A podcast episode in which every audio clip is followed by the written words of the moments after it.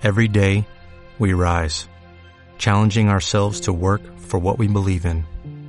At U.S. Border Patrol, protecting our borders is more than a job, it's a calling. Agents answer the call, working together to keep our country and communities safe. If you're ready for a new mission, join U.S. Border Patrol and go beyond. Learn more at cbp.gov/careers.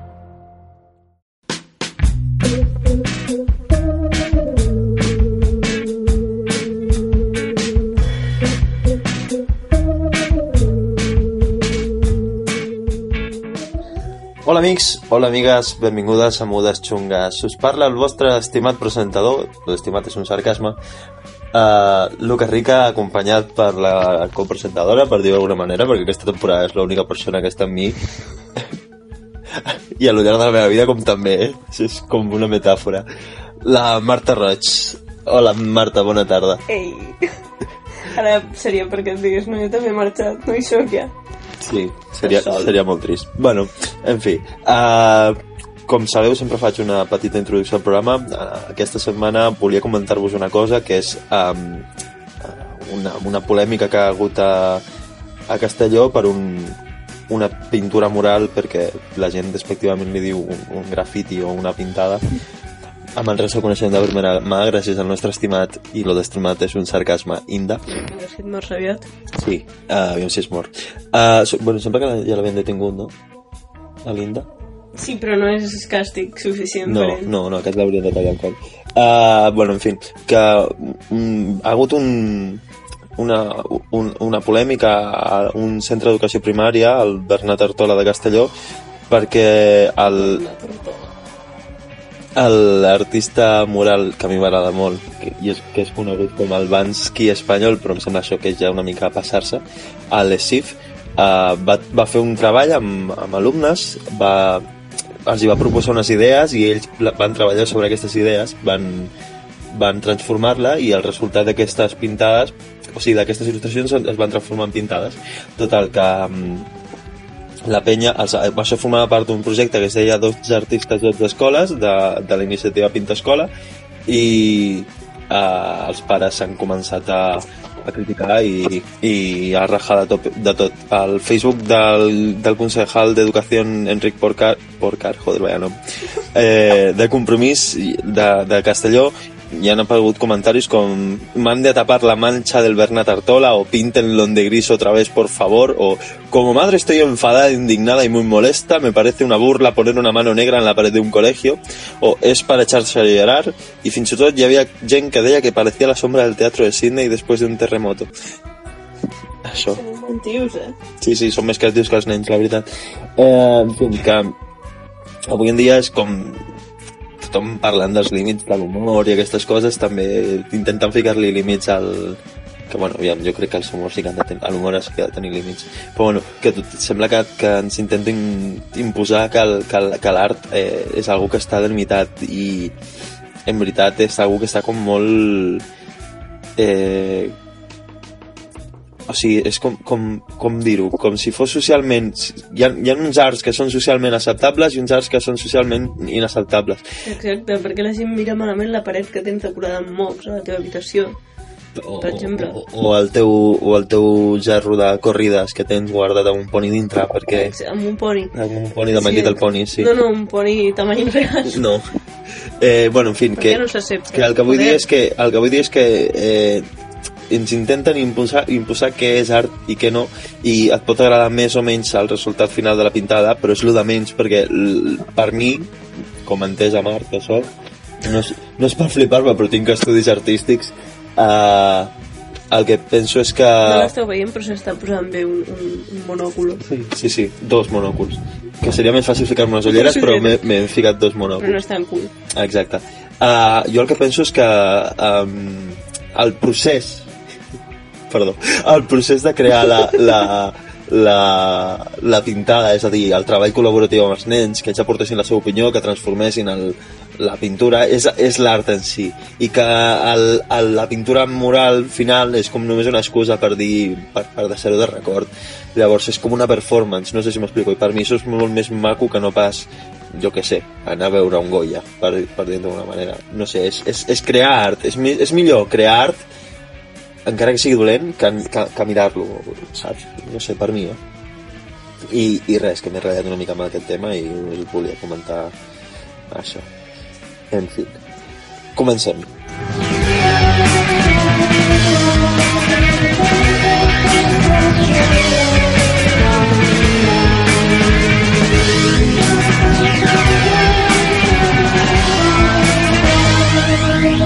Con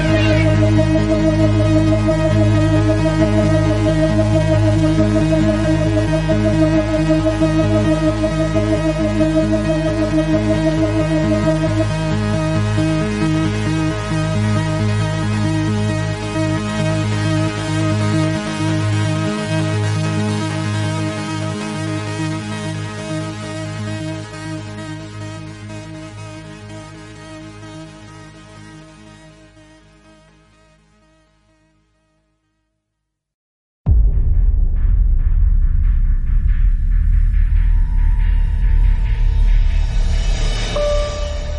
Paso de los años, este lugar se ha convertido en uno de los más misteriosos y enigmáticos del mundo. Circunstancias inexplicables han ocurrido decenas de veces, desapariciones de barcos y aviones, sin dejar rastro o aviso de qué fue lo que sucedió. Teorías conspirativas que hablan desde secuestros hechos por ovnis hasta portales interdimensionales.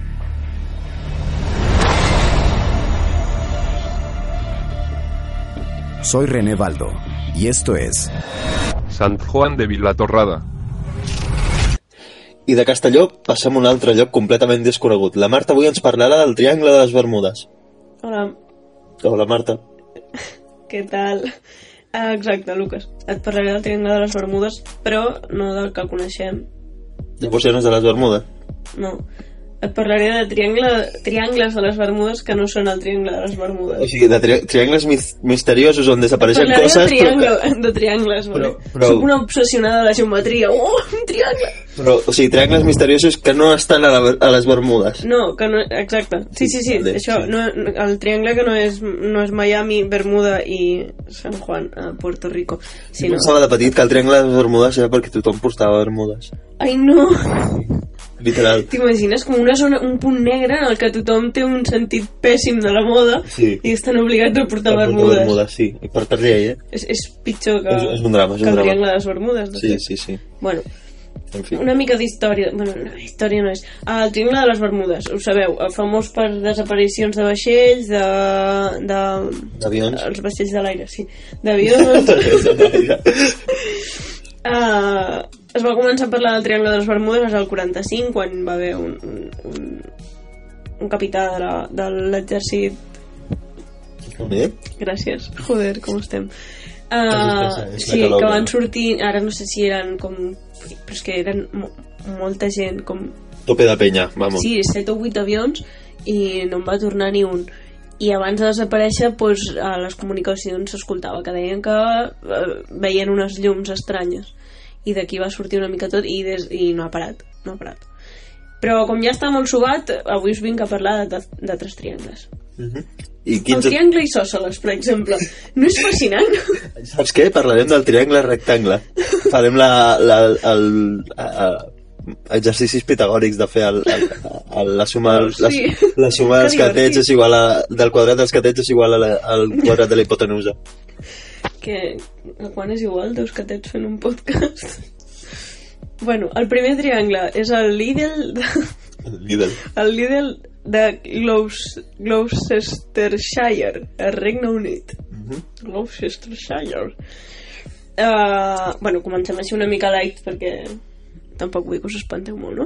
Però és un, un en resum, és el- el- l'aparcament d'un Lidl a Regne Unit on la gent no pot tancar o obrir el cotxe, depèn de cada persona en porta els seus problemes se'ls dispara l'alarma i no poden apagar-la tampoc va una senyora que va explicar molt alarmada que havia hagut de, de trencar la, la finestra, no sé com la va trencar, i entrar pel, pel seient de... No has, trencat, no has trencat mai la finestra d'un cotxe.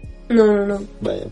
Què passa? És No, molt fàcil, o? Sí, Ah, sí. vai. Agafes una bujia, per exemple, i pum, Qui no té una bujia, home? Um, els mecànics. uh, això, que havia hagut d'entrar pel seient del copilot amb el, amb el seu bebè allà i, bueno, la senyora estava com si una crec, que destrossada. crec que es pot... Ui, crec que has fet molt poc èmfasis a que és el pàrquing d'un Lidl. Sí, sí, però a veure, coses més rares han passat, no? Mira el líder de, del polígon de d'allà de l'Estroika. Els dolors. Segur que han passat coses pitjors. Sí, però no per culpa del líder, sinó per culpa d'Estroika. Bueno, Un salut pels d'Estroika, que Total, que, que la majoria de gent pensava que s'havien quedat sense bateria o, o quelcom feia interferències, però al supermercat, que bueno, aquí dius, bueno, estan barriendo pa fuera, no? Estava fet sobre un cementiri indi. Diuen que ho han desmentit. No, perquè és a Anglaterra, llavors està fet sobre... mm, No sobre, sé, sobre la versió original de Stone Age. Exacte. Por ejemplo. O sobre un cementiri d'indis anglesos. Són exactament iguals, però bé, ho entenc. Sí, ara sí, i porten, porten pipa. Allò de la pipa de la Pau porta una així més, més elegant i un monocle. I parlen així. Jo ser indio. Eh, cabeza roja. Jo preparar pipa de paz. George, George. En fin. Bueno, uh, malauradament encara no hi ha molta informació perquè això és relativament recent. Com diría Iker Pero- Jiménez, última hora, investigación en Sí, directo. última hora, chan, chan, pero... Eh, eh, esta misma semana ha sucedido esto. Queridos espectadores, eh, si tienen más información... Bueno, que no se sap res encara. O sigui, no sé per què us ho estic explicant. Uh, però que sí és, sabem... és la teva feina, per Sí, això. suposo, però que si en sabem alguna més pues, en, en altres programes, si és que arribem a fer-ne uh, us explicarem el què, a veure si, si s'ha solucionat això del líder de Gloucestershire Gloucestershire. et sembla? Em sembla perfecte. Vale, i ara anem per triangles de veritat Sí. Com... si et sembla Sí. està al mar de Sargasso Sargasso a l'oceà Atlàntic Mhm. Que està, està, eh? Bé per ell. està molt a prop del triangle de les Bermudes No seria una ampliació del triangle de les Bermudes? Com en plan... sí, no? Com, com Terrassa i Terrassa Est pues lo mismo Uh, te'n recordes una temporada, perdó, o sigui, off topic, però que anaves amb la Renfe i deia, propera parada, Terrassa, i quan arribava a Terrassa Est era, propera parada, Terrassa Est! és veritat. no sé què collons. Propera parada, Triangle de les Bermudes. Propera parada, Mar de Sargasso. Com en Marallet, segur que aquella senyora li havia fet alguna cosa de Terrassa Est. Sí, sí. Uh, bueno, en total, que aquest mar està rodejat de corrents marítimes que fan que, que, que sigui molt, molt, siguin aigües molt tranquil·les i molt càlides. Mhm. ¿vale? Tot i així, sent tan tranquil·les i tal, i desapareixen um, Igual és perquè se fían, ¿sabes? vaixells. Sí, no? Igual. Bueno, me han refriado uno, no. Que, que, que agua más calmada, que no sé què, i mira, s'enfonsa el vaixell. Una peculiaritat d'aquest mar, a part de que hi desapareixi gent, que dius, bueno, sí, més dona. És que hi ha acabat molta basura, moltíssima, plantes marítimes, i que fan que tot això s'ajunti i creï el sargassum, que és com una alga marró, densa i invasiva. Llavors tu vas per allà i sembla que hi hagi nyordos flotant, Com però Israel. no són nyordos. Merda invasiva, com Israel. Um, S'hi han trobat vaixells diversos uh, intactes, però sense tripulació, vagant per allà. Com la pel·lícula Ship. Com molava aquella pel·li. Ho diu bastant el títol, no? Sí, sí, sí. Um, papa, tu que no saps anglès, vol dir vaixells fantasma. Bueno, dic papa perquè sé que m'escoltes, o espero. Um, Sí, deu ser el nostre únic oient. Sí, però em sembla que l'últim no se'l va escoltar, però bueno. Com no m'estima. Bueno. Hi ha una llegenda que explica que hi havia que, que aquesta alga, el sargassum, que era carnívora i que devorava els mariners i deixava només els vaixells. Però això era del segle XIX, ¿vale? Que dius? Bueno, en aquella època es creien que Sí, qualsevol però- malaltia te la podries curar ficant sanguijuelas. A este hombre le sobra sangre. Ese debe ser su problema. I, no- I no es pot? Vull dir, tu ho has provat? No, no ho he provat. Tenim un gos guardant amb a l'estudi. I un timbre sonant. Sí, sí, però jo no penso obrir el timbre. Bueno, continua. Jo que el timbre. bueno, un, un cas eh, en concret va ser el del vaixell Rosalie, que el novembre de 1840 va sortir, havia d'anar d'Hamburg a l'Havana, i de cop, al cap d'uns dies després, Ui, què tenia que fer d'Hamburg a l'Havana? Que se l'hauria perdut. coses. El. Frida, si us plau, És la nostra tercera comentarista. el troben a la deriva sense tripulació. El vaixell estava intacte, el carregament també, i els animals estaven morint-se de gana, ojalà la Frida. Mira, s'ha picat. Bueno, um, això, que el carregament està intacte. Què vol dir això? Que pirates no havien sigut. Mm. I a més era un carregament que era bastant valuós. Hi havia vi, fruita, seda... Això és el que feien d'Hamburg a l'Havana. Mal pensau. Mm, això ha passat en diversos casos i fins i tot hi ha un joc d'aquests de- d'aventures de point and click Mhm. sobre aquest sobre el mar de Sargasso un joc que no he jugat perquè la veritat tenia molt mala pinta però bueno. Sí, com el joc de Toro de Play 4. hòstia, els gràfics aquells de, De, Play 2.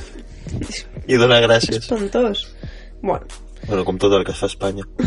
arriba uh, després tenim el mar del dimoni al Japó se'n diu, diuen que és el triangle de les Bermudes del Pacífic o el triangle dels dracs degut a una llegenda que deia que per allà pues, hi havia dracs fa anys Que és un drac màgic. Sí, que vivia al fons del mar, Mhm. però tot sol s'avorria i sortia a passejar. Mhm. Uh, està aquest mar prop de l'illa de Miyake, que direu ah, haver-ho dit abans, cony, ara ja sé exactament on cau. Me n'hi vaig aquest cap de setmana. No és la, la illa aquella que feia... Que, que, que era com una fàbrica abandonada? No ho sé, La buscaré. ho busquem. Um, Uh, per cert, si voleu veure com eutanasiem en directe un gos, espereu-vos 30 minuts i... um, durant, en el mar del dimoni, durant 1952 i 1954, uh, hi desapareixen 5 vaixells militars que per cert he escrit vaixells en B alta i em fa molt mal d'uns 5 vaixells militars amb 700 mariners a bord desapareixen no se'n torna a saber mai Eh, res.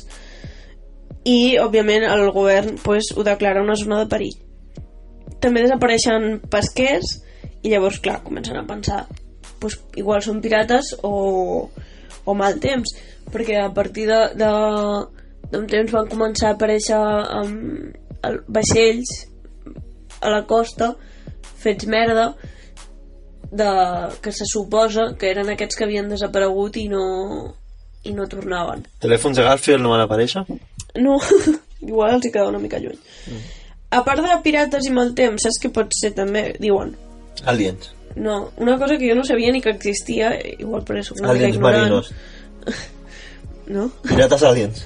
Sí, joder, era això. No, um, però m'ha flipat. Volcans submarins. Sí, sí. No ho sabia, he vist fotos i és brutal, o sigui, és superxuli. Chupiflástico. Chupiflástico, supercalifragilístico, espialidoso. Uh, és un dels 12 vo- Vortex Bills uh, on, sí, que després us parlaré d'ells. És que ara me'n recordo de, del, del, eh, com es diu, eh, Aldeán de Mágico. Di el vórtices, vórtices, vórtices. Hombre blanco habla con lengua de serpiente. Mare de Déu. Un record al Valdeante que segur que ens està escoltant. Aquí en, en aquest triangle del dimoni el Kublai Khan que era un ara hòstia, ara no sé si era un nebot o Kublai Khan sembla una muntanya russa de PortAventura. bo- bueno, que era familiar del, del Khan uh, el de Star Trek Sí. l'intenta creuar el 1274 per vaixells i es diu igual és exagerat, igual és veritat ja vosaltres us ho creieu si voleu 40.000 homes. 40.000 homes que... que perd 40.000 homes allà i llavors dius, és que... que I, de, I jo em queixo quan perdo les claus, saps? potser que passem per una altra banda perquè per aquí no resulta. En fi, un punt negre. Llavors, el triangle de Michigan. Que... Està a Michigan, no? no pot ser. Que aquest és curiós perquè és un llac De Mi- ah, bueno, el, el, los grandes lagos, que ha el, el lago norte, el lago Michigan, que és aquell... Sí, ah, sí, sí. el llac Michigan sí. uh, en aquest llac hi toquen Illinois, Michigan, Indiana i Wisconsin Molt bé. Molt bé, adéu. Hi ha gent que diu que navegant i o sobrevolant-lo pues que s'altera el temps. I coses així rares.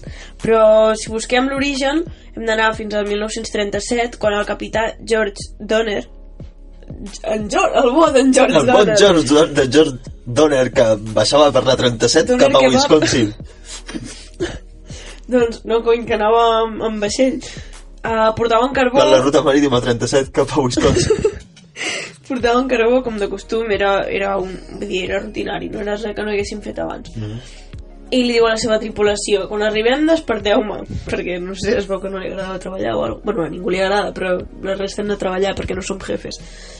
Total, que li diu, quan arri li diu a la tripulació quan arribem desperteu-me i quan van al seu camarot no hi era i està tancat des de dins no hi ha manera que hagi sortit per enlloc i d'aquí com, comença a parlar-se ja del triangle de, de Michigan Igual s'ha fet el, el, el millor rage kit de la història.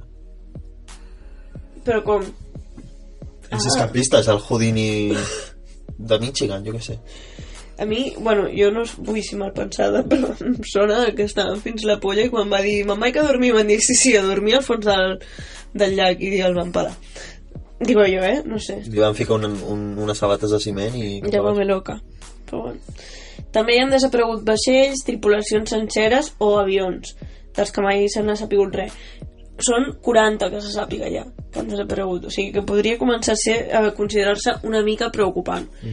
I normalment es diu que es veu un resplendor i després res. Llums estranyes, o sigui que també hem vist llums, llums estranyes que associen a ovnis i això just abans que desapareguessin o de que passessin coses estranyes com això de que ralentitza el temps que s'avança, que hi ha gent que perd la noció s'estan poder poder per ells hauria hagut de passar un minut i de cop és com si haguessin estat 30 minuts que no saben què han fet.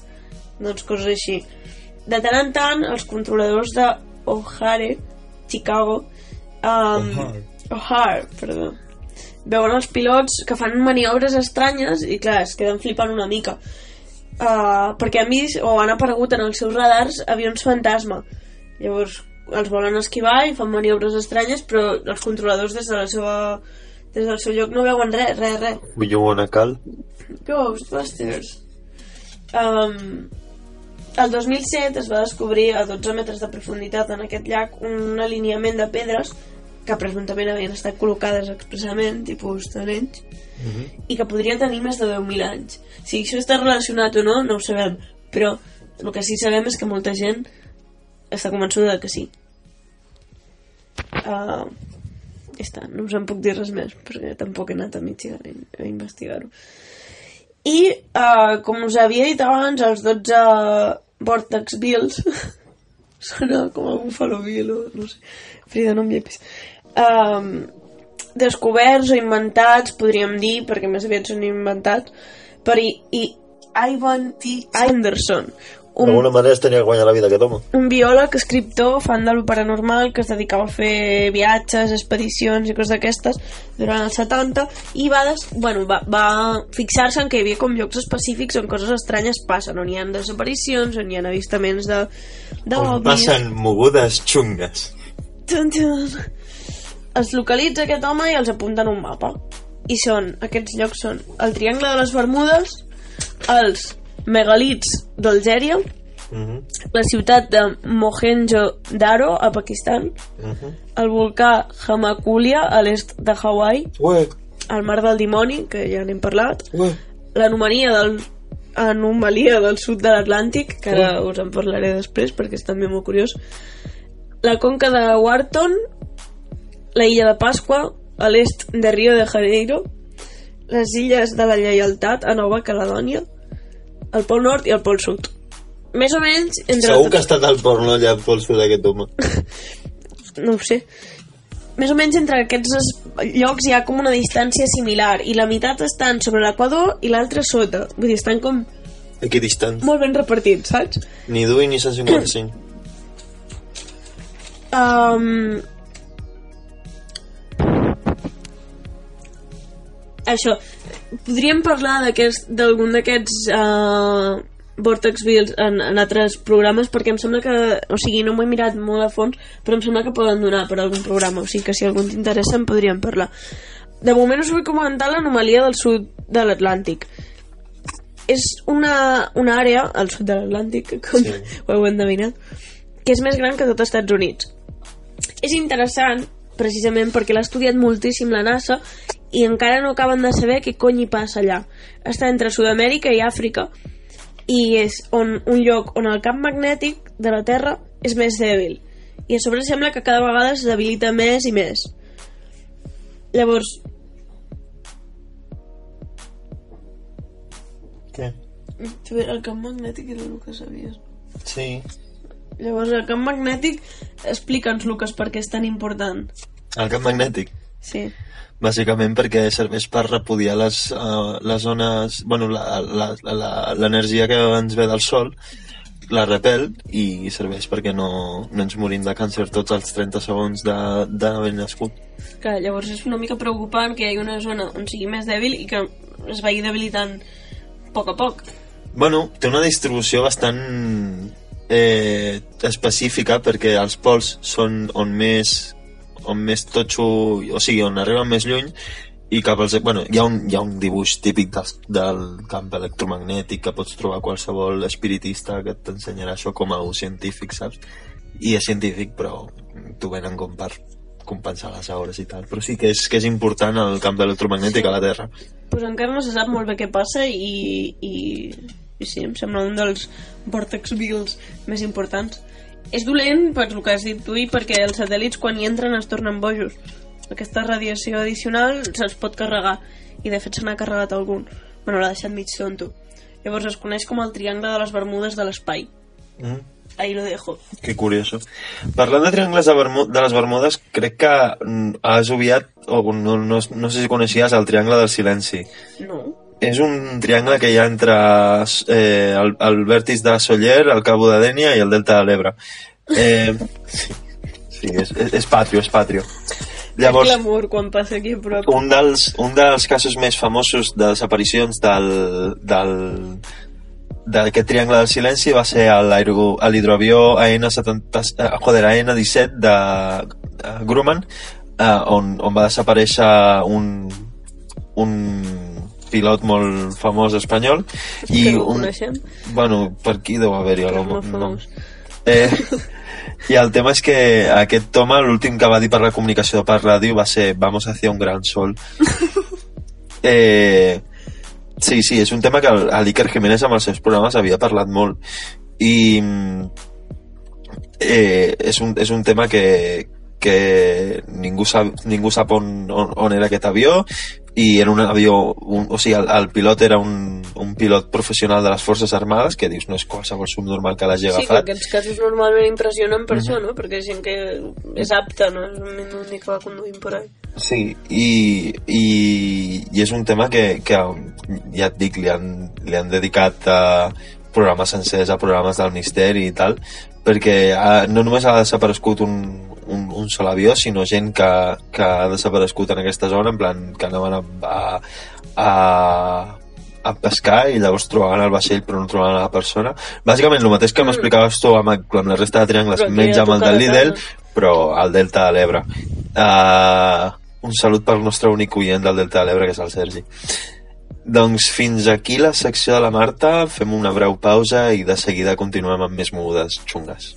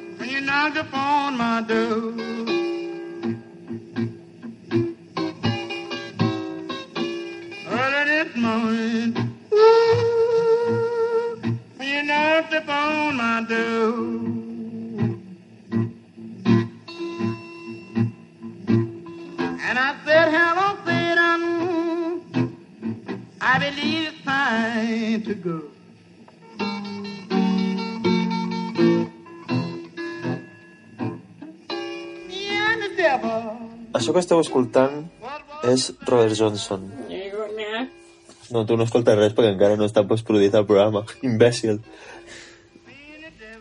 Robert Johnson era un músic uh, negre que mm, quan va començar la seva carrera era no el coneixia ni Déu i va acabar morint molt jove però amb una breu i virtuosa una virtuosa carrera es diu de Robert Johnson que va passar per la vida com una ombra uh, ningú sap quin uh, quan va néixer no, ningú sap qui, com va morir Diu, diuen Com Jordi Hurtado. Sí, bueno, Jordi Hurtado encara és viu. No dic que ningú sap com va néixer ni com morirà. Bueno, uh, el, el Robert Johnson va morir suposadament enverinat i, i qui, el, qui li recorden, que la majoria ja, ja deuen estar mort també, el recordaven com una persona fugaç i, i escapadissa. Llavors, uh, una d'aquestes... Uh, o sigui, una anècdota molt curiosa de, del, del Johnson, per cert, avui parlarem de músics que van morir a la seva com, com, com a la cúspide de la seva carrera, però no farem lo típic de parlar del Kurt Cobain, de la Amy Winehouse i de... Eh, com es diu? Eh, ah, no me'n recordo. ah, Hilda, tampoc parlarem de Hilda. Eh, parlarem de músics que no són tan coneguts. Llavors, um, Robert Johnson deien que va aconseguir la seva uh, virtuositat amb la guitarra. Hi ha molt poques gravacions perquè això va ser quan... Aviam, ja portaven com 30 i pico anys enregistrant discos i tal, però que al, als anys 30 no era normal treure un disc, saps? O sigui, no era algo molt... I, i menys amb, amb músics del rock i del jazz. Bueno, aquest, aquest senyor feia blues. Què? I menys era el negre, sí, diu la Marta. Uh, el fet és que uh, aquest home, uh, els que el coneixien des de feia molt temps deien que mai havia sigut molt bo amb la guitarra, però que ho intentava molt, però que no, no se'n sortia. Una mica com el Lucas. Sí, però ja molt baix. I diu la, diu la llegenda negra que un dia, de mitjanit, aquest home va anar a un encreuament de camins, que en francès es diu Carrefour, i, i va fer un pacte amb el dimoni. Hòstia, no seria un... El pàrquing del Lidl. No, no. Va fer un pacte... El líder de l'any 30 pico no existia. Va fer un pacte amb el dimoni per al qual ell l'entregava la seva ànima si li donava virtuositat per tocar amb la guitarra i com pots escoltar, guinyo, guinyo, aquest home era un, era un prodigi de la, de la guitarra. Deien que, que, bueno, que, havia, que havia venut els, la, seva, la seva ànima i de cop després d'aquest temps que va estar desaparegut i que diuen que en un encreuament de camins eh, que sempre diuen que quan et trobes amb el diable és en un, en un encreuament de camins no sé, no, sé- no sé per què Ara ja, ja sé on buscar-lo. doncs va tornar de cop i, i quan va tornar ja el tio sabia tocar la guitarra que flipes, cantava que flipes ja havia tornat. Llavors, investigacions eh, posteriors diuen que va estar dos anys desaparegut i llavors va tornar a aprendre a tocar. Uh, I clar, va tenir una carrera molt fugaç, va, va fer quatre o cinc gravacions molt, molt famoses i llavors després la va palmar enverinat. El diable. No, no sé, diuen que el diablo es va, va dir, bueno, mira, hasta aquí hemos llegado Suda. y sabes, suda, ya no, ya no quiero seguir más, ya has hecho tu fama. Li sortia Que- millor matar-lo que, que indemnitzar-lo, no? Sí, algo así.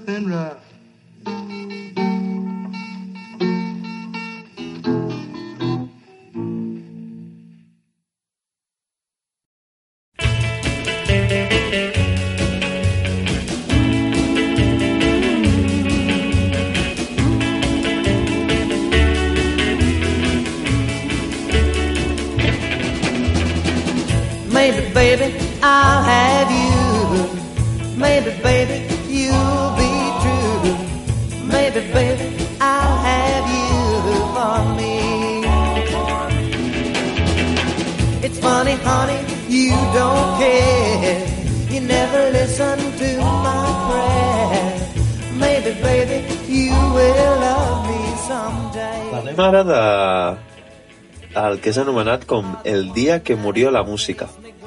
I, di, i direu, Per què? Quin, quin, quin és el dia que va morir la música? El dia que la... Que la... Com dic? Que la Nicki Minaj va treure el primer disc? No, no, no va ser aquest dia, aquest, el dia que va morir la, la música. Uh, el dia que va morir la música és el, el dia en el que el van morir Buddy Holly, Richie Valens, que segur que el coneixes per la seva mítica cançó Para bailar la bamba. Sí, aquesta. I el, i el Big Booper. I el pilot, que es deia Roger Peterson. Que ningú... de cop? Sí, Ah, vale, vale. perquè anaven junts en un avió. Que mala pata. Bueno, resulta que... Bueno, i el pilot que es deia Roger Peterson, que no el coneix Sí, ningú, però... i? Que, que no, no... Bueno, crec que estaven com de gira i, i tenien que anar cap a un, cap a un lloc. Uh, Si estaven de gira, sí. Devien anar d'un lloc a l'altre. I llavors li van dir... Li van dir... Eh, pillem autobús o anem en avioneta? I van dir... Soy una violenta. eh, li van dir, bueno, anem, anem en avioneta. Llavors, eh, el, anaven amb, eh, amb Jeggins, que, que era també un altre músic, i van fer un Els caràcter... leggings pensava que eren els leggings. No. Van anar, van anar amb, amb una... O sigui, van, li van dir al, al Big Bopper eh, vas tu o vaig jo? I llavors Sona a hamburguesa de McDonald's. Sí. El Tommy al sub va fer cara creu amb el, amb el Richie Valens amb qui anava i va guanyar el, el Richie Valens i bueno, mira, li va sortir car, la veritat. L'avió a l'avió es va estavellar amb un camp de blat que dius s'ha de tenir mala, mala sort a, a, a 6 milles de l'aeroport que no sé quants quilòmetres són i no va Qui ho so- sap? Qui ho sap? No ho saben ni ells, joder. no, no va sobre... Sí, això de no tenir sistema mètric mm, que hi ha el típic meme aquest de gente que utilitza el sistema mètrico i surt tots els planetes, tots els països del món menys Estats Units i on Estats Units diu països que han perdut una guerra contra grangers vietnamites però és mentida perquè el, Espera, hi ha algun altre lloc? a Libèria es fa servir el sistema companyia imperial de... de mòbil d'avions. Com de mòbil? Levara Ah, no, Ibèria. No és just que malo. Sí, però segur que no s'haguessin estavellat. Bueno, allà al Camp de Blat hi ha un, Bueno, bueno. hi ha un monument de, de, de l'accident del, del Richie Valens, el Buddy Holly Sí, pobre, i el Big Booper. pobre granger, no? Ja veus. Va perdre un cachito.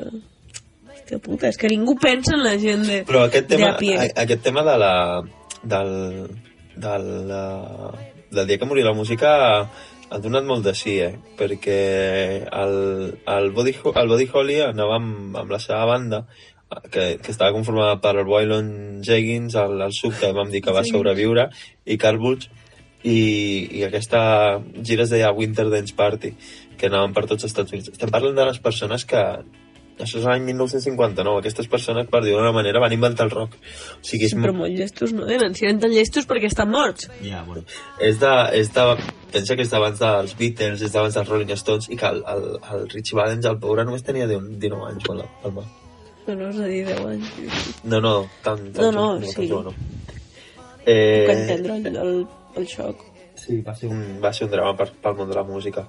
Ara molaria que fessin com un dia que se moria la música i que la palmessin tots els traperos de cop, saps? En plan, que anessin Però un avió o sigui, al- literalment no hi hauria cap pèrdua. El Takeshi 69 amb el, amb el Lil Pump i jo que sé, eh, algú que et caigui malament. El Post Malone, aquell I que el Post té pinta de que no es dutxa. que no es dutxa, sí. Pues anessin aquests tres en un avió i que s'estava Seria divertit. Bueno, no passa res, són traperos, ja de tant en tant els hi foten un Però a tret. mi, és que a mi el, el, el, el, el Lil Pump no m'agrada gens, però les, el, el, el disc Lil Pump de Lil Pump i és, és, sí, Lil Pump de Lil Per Pump, mi és la cançó Lil trap. Pump, produït per Lil Pump. per, per mi és Juan l'Abbey Colomo. és el- l'Abbey Road del trap, o sigui, imagina't el nivell que té. És, és, és, o sigui, és una merda sobrevalorada. Com a l'Abbey Road. L'Abbey Road. Ja, El abuelo Road. l'Abuelo Road. Maybe, baby, I'll have you. Maybe, baby, you'll be true. Maybe, baby, I'll have you for me.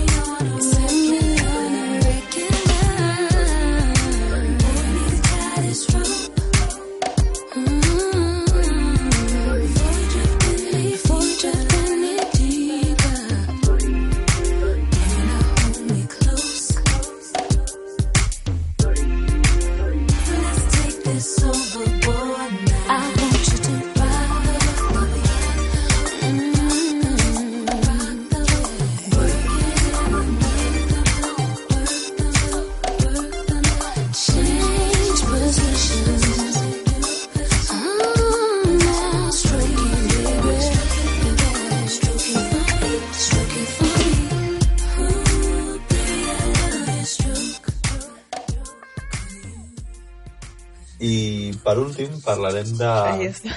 Sí, ha sigut breu, eh? Tant s'acabó. eh tampoc m'ho he preparat tant com sembla. Vaig preparar més Nosaltres no ho heu com vist aquí, però és un copy-paste de la Wikipedia, no ha tret ni els... Com es diu això? Els vincles. Eso. No ha tret ni els links. Bueno, és igual. Vincles. Per últim parlarem de la Alilla, que vosaltres sou massa joves per... La recor- d'Illes. Vosaltres sou massa joves per recordar-vos, però jo me'n recordo. Eh, Alilla, que va ser una cantant de R&B, la típica tipo eh, Beyoncé i Destiny's Child i Beyoncé? coses. Sí, aquestes coses. I i era actriu i model estadounidenca, tenia 22 anys. Uh, va ser nominada al, Gra al Grammy diverses vegades. El Gremlins. Va, va tenir també una nominació al, als Oscars per, per, perquè va interpretar el tema principal d'una pel·lícula, no m'he mirat quina. I resulta que anava a treure un single. Sí, resulta que anava a treure un single que es deia Rock the Boat i, i van dir, bueno, saps què? Anem a gravar, anem a gravar el videoclip. I diu, i on anem a gravar el videoclip? No sé, anem a alguna platja o alguna així. Total, que van anar a una illa, què? M'estàs... No, bueno, No, no, no. que van anar a una illa van gravar el videoclip lo más bien, que diran els argentins i quan van tornar cap a casa pues l'avió es va estavellar i la pava Mal. va palmar sí, sí, sí i tot i així van treure el videoclip i tot el pots veure a YouTube No, matxos. Vull dir, es van gastar els pistrinquis. sí, no se'ls van gastar en va van dir, bueno, ja que estamos sacamos Que la hagi servit d'algú, no? Sí. Però em sembla raro, saps? O sigui, és com quan va... Lleig. Sí, quan es va morir el... el, el Bruce Lee, no? El, sí, el Bruce Lee es va morir gravant El Cuervo, no? El, va ser l'altre, el Brandon Lee? Mm, No sé. Jason Lee? No sé, no, ah, no, perquè el Bruce Lee es va... O sigui, el, fu- el fill del Bruce Lee es va morir fent la pel·lícula El Cuervo. Ara ho buscaré. Eh, que és del... de- Brusito. És del director aquest uh, grec, com es deia? El Àlex... Eh... El Brandon Lee es va morir, sí, que és el fill del... En sèrio, el seu fill. Sí, del Bruce Lee. Però no és xinès. Em sembla que era el fill del Bruce Lee, si no m'equivoco. Sí, del fill, del, és el fill del Bruce Lee i la Linda Lee Carvel, Ahí va. que, vamos, que la seva... És mig asiàtic, saps? Uh -huh. O sigui, o sigui, el fill de Bruce Lee es va morir en... amb Alex Proyas, això. Però aquesta pel·li és un desastre. És horrible, aquesta pel·li. De fet, anava a ser... Vull dir, està com maleïda. Anava a ser una pel·lícula d'aquestes directes a vídeo i al final la van estrenar tot arreu.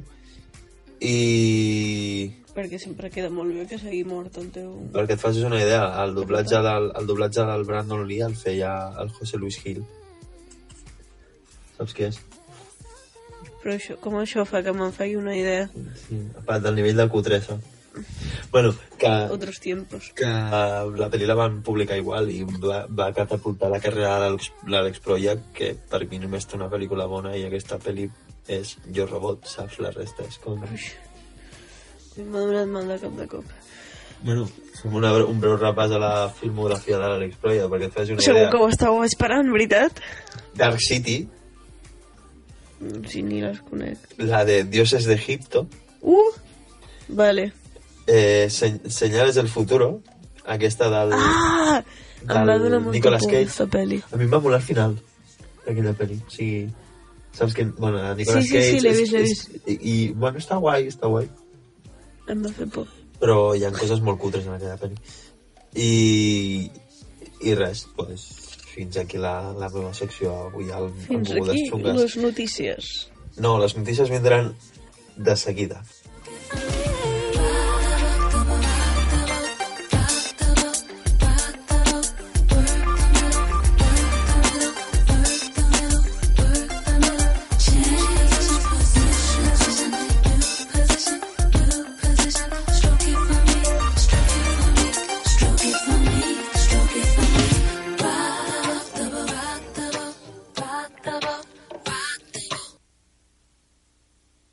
Y ahora las noticias en mudas chungas.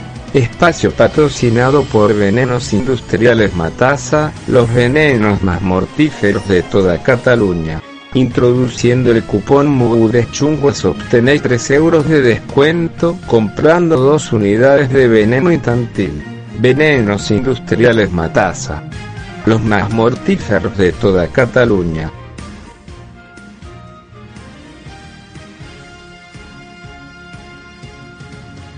I ara, per acabar el programa, la secció de les notícies. Començarem parlant d'una cosa que dona més fàstics que els articles de Carlos García Miranda. No és així, Marta? Sí, no sé si podré explicar-ho sense vomitar perquè la gent ja m'ha donat un parell de llullos. És durillo, no? És durillo, és durillo. Eh, és un cas únic en el món, el primer del que en tenim constància. Esperem que no hi hagi més. Però sí, és una nova por que hem desbloquejat i es quedarà amb nosaltres per sempre. Moltes gràcies a aquesta dona de Taiwan, de 28 o 29 anys, ara no ho sé, bueno, que s'acosta a la trentena, que va acudir al metge després d'haver estat arrencant arbotes al, al camp Lo típic. sí, on suposadament se li va posar una mica de terra a l'ull i bueno, s'ho va rentar en aigua, el normal que fas, però se li anava inflant, se li anava inflant i deia, ui, suda, millor vaig al metge, que m'ho mirin i tal. Total, que va anar al metge. Fins aquí tot bé, no? Vale. Doncs el metge li va examinar l'ull, que és el que, sí, el que solen fer els metges, suposo, quan els dius que et fa mal alguna cosa, i va veure de cop que de les pestanyes sortia algo que no se sabia molt bé què era, però li semblava mm, que eren les potetes d'algun insecte.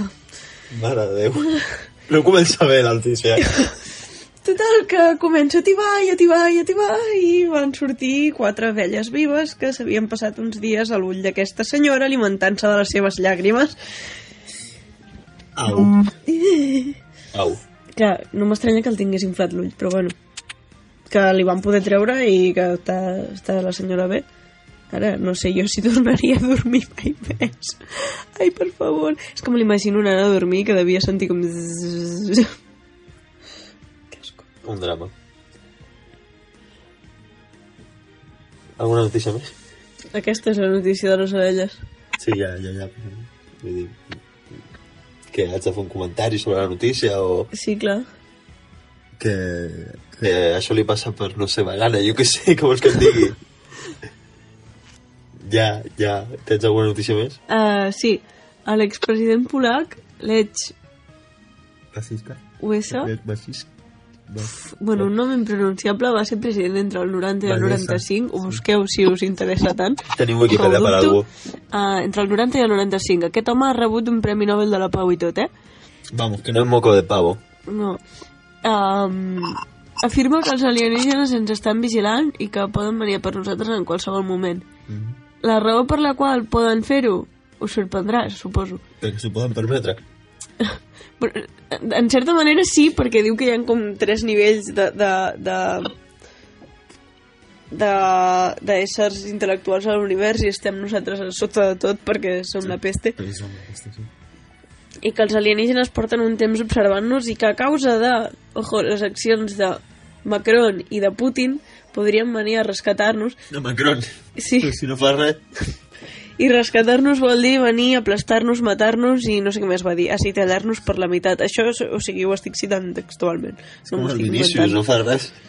Um, després, però tranquils, no s'acaba aquí. Fan això i després diu que ens enviaran a Dani i Eva per tornar a començar. O sigui que una cançó Mishima, tot torna a començar. no patiria gaire jo. Jo estic bastant tranquil·la. Jo és el típic, a veure si me muero ja una puta vez por todas. Sí, sí, no sé. Vaig explicar, no, aquell cop que anava pel metro i ve un senyor i diu A mí me vais a joder, eh?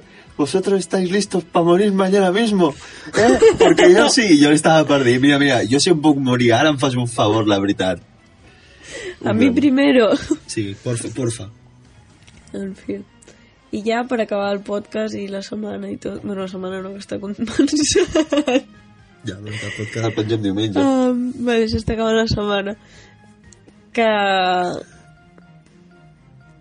un estadounidenc anònim que bé podria ser el Lucas, Jo, per què? vol denunciar els seus pares per destruir la seva col·lecció de pornografia, segons ell, valorada en 25.000 dòlars. Qui compra porno, tio? El, El que demana ell és que li retornin com uns per, per danys i, i, I perjuici. Per, perjuicio per, perjuicios. uh, uns 72.000 dòlars vol, vol de compensació perquè aquest jove es va independitzar i quan va marxar els hi va deixar als seus pares les seves caixes amb pornografia i tal segons els seus pares quan van... s'estaven divorciant els pares llavors quan havien de marxar de la casa i tal doncs van a veure què els havia deixat no? eren 12 caixes amb material pornogràfic, imagino que revistes, pel·lícules i coses d'aquestes, i dos caixes amb joguines sexuals. Sí, en aquest moment, clar, els pares van dir què fem? pues li calem foc. I van arribar a dir, i ho entenc també una mica, poder que era... O sigui, que ho havien fet per la salut mental del seu fill, que, molt decepcionat, quan va tornar a casa dels seus pares, va trobar-se amb que li havien destruït tot. I haver-lo portat al que es convertes. Sí, perquè, de fet, el que he llegit és que es venen... O sigui, hi ha pàgines que et compren qualsevol pornografia i que... Uh, I es ven bastant car. Es recuperar. O sigui, que entenc que igual s'enfadés, no? Ara, Ah, el que em sembla preocupant és que tinguessis 12 caixes amb pornografia. I d'on treus 25.000 euros per pornografia? És normal que no s'hi- no s'haguessin independitzat abans. Ja. Sí, aquest tio si no es fes palla seria més ric que Bill Gates. Sí, podria ser multimilionari i estava aquí fent-se palles. Dándole duro a la zambomba. Deixa'm explicar-te una anècdota per tancar el programa. Relacionat molt amb això de quan No. jo... Bueno, pues no és problema. Ja està. De quan jo treballava... Pensava que anaves a dir de quan jo em feia palles. O... No, no, no. De quan jo... Això mai.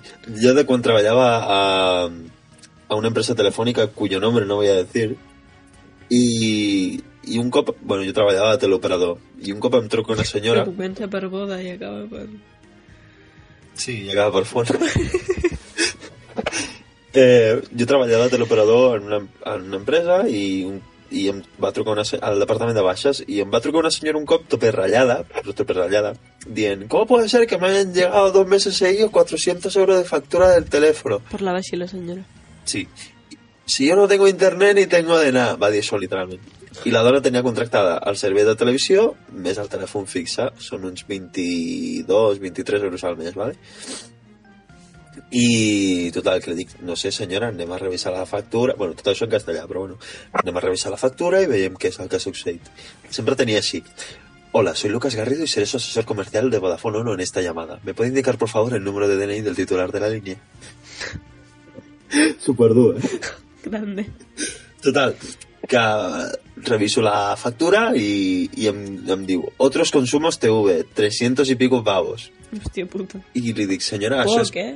Senyora, és que això és que algú de casa vostra està lloant pel·lícules. Diu, ¿qué co ¿cómo van alquilar películas? ¿Qué coño? De no sé què, no sé quantos. Dic, senyora, miri, si vol, jo em fico dintre del sistema i li dic el títol de les pel·lícules i així pot veure qui de casa seva ha sigut el que ha llogat les pel·lícules.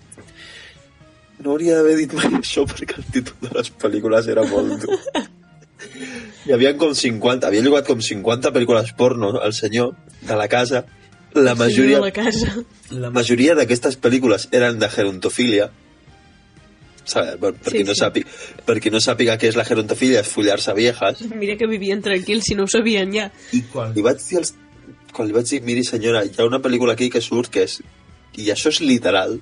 o sigui, el títol aquest que diré de la pel·lícula era literal, no sé si surt a internet, però estava al videoclub de, de Vodafone. Per veure era Abuelas anales holandeses 2, versió original. Versió original. Versió Vull original. dir que pot ser un pervertit, però també és intel·lectual. Sí, com, té com l'has de veure mica- doblada. No, exacte. I se'm va quedar això, se'm va quedar el títol d'Abuelas anales holandeses. Però, a més, teníem molta conya amb els de, amb els de l'empresa i llavors ens anaven passant captures d'aquestes coses que trobàvem. Teníem un client que es deia José Bueno Bueno, no, José Malo Malo i un altre que es deia Juan Antonio Bueno Bueno. I, i escoltàvem les trucades que teníem gravades i deia el senyor eh, ¿me puede indicar por favor su número? Y decía, sí, sí, su nombre, sí, soy José Antonio Bueno Bueno. Era molt horrible, la veritat. Jo no sé com vaig aguantar un any allà sense suïcidar-me, però em va arruïnar la puta vida. Sisplau, no treballeu mai de teleoperadors. No Acabareu suïcidant-vos. I fins aquí el Mogudes d'aquesta setmana. Ens veiem la setmana que ve amb moltes més novetats i molta menys gràcia. Fins la setmana que ve. Adéu. Adiós, adiós.